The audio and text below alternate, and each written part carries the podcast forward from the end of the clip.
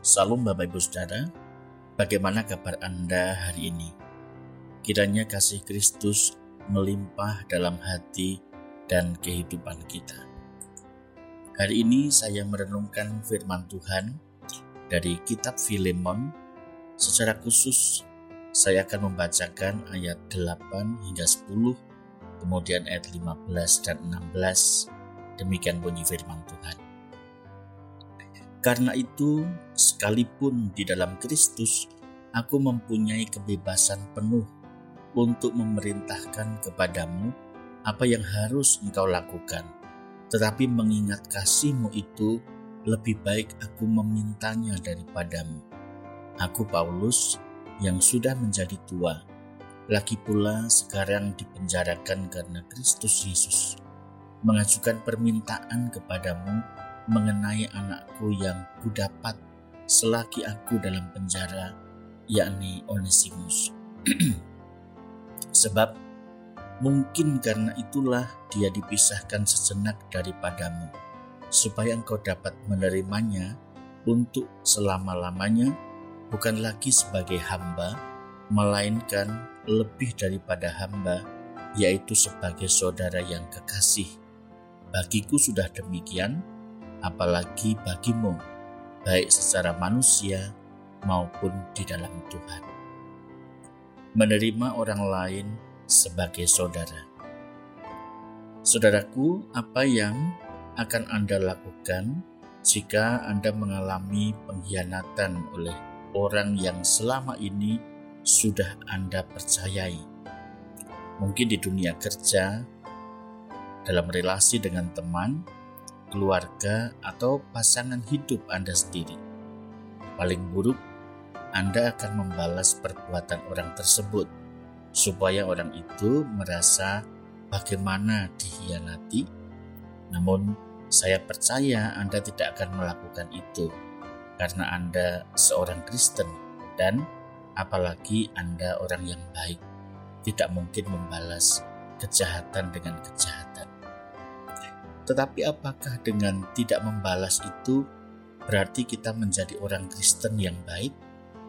Mungkin kita berpikir bahwa kita sudah cukup memaafkan orang tersebut, tetapi itu kita akan membuat jarak atau tidak mau lagi berhubungan dengan orang itu, sebab kita takut mengalami kekecewaan lagi. Nah, saudara, apa pun alasannya, diakui atau tidak, kita sangat terluka jika mengalami pengkhianatan seperti itu. Hal ini tentu sangat manusiawi, tetapi tetap berada di dalam kepahitan kekecewaan tidak akan membuat hidup kita bertumbuh sehat. Bahkan juga relasi kita dengan Tuhan akan sangat terganggu oleh kenyataan ini. Nah, bacaan kita hari ini mengingatkan kita betapa pentingnya kita mengalami pemulihan dari hati yang dikecewakan oleh karena sebuah pengkhianatan. Paulus dalam surat pribadinya kepada Filemon ia meminta dengan sangat supaya ia mau menerima kembali Onesimus, yaitu budak yang telah melarikan diri dari rumahnya. Ada penafsir yang menyampaikan bahwa Onesimus lari dari Filemon tuannya bukan hanya supaya bebas, tetapi kemungkinan dia membawa lari harta bendanya juga.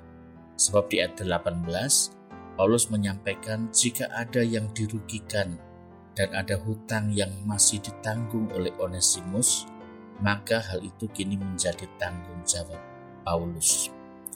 Paulus memberikan garansi atas kesaksian dan pertobatan Onesimus dengan dirinya sendiri. Jika Filemon mau menerima Paulus, maka hal yang sama kini harus juga dinyatakan kepada Onesimus. Hal yang tidak mungkin dilakukan masyarakat pada umumnya waktu itu. Tetapi oleh karena pertobatan Onesimus, Paulus memohon kepada Filemon untuk menerima dia bukan hanya sebagai hambanya, tetapi sebagai saudara di dalam Tuhan yang sangat berguna bagi pelayanan Paulus juga Filemon untuk kemuliaan nama Tuhan. Memaafkan bukan hanya melupakan kesalahan orang lain yang telah melukai hati kita. Memaafkan itu berarti menerima pertobatan orang lain kepada Tuhan dan memberikan kesempatan kedua untuk membangun kembali relasi yang memuliakan nama Tuhan. Adakah dalam kehidupan Bapak Ibu Saudara orang-orang yang mungkin sudah melukai hati dan mengecewakan anda? Apakah Anda sudah memaafkan kesalahannya? Jika orang itu bertobat dari kesalahannya dan hidup mengasihi Tuhan, maukah Anda memberikan kesempatan kedua? Selamat berefleksi. Tuhan Yesus memberkati. Amén.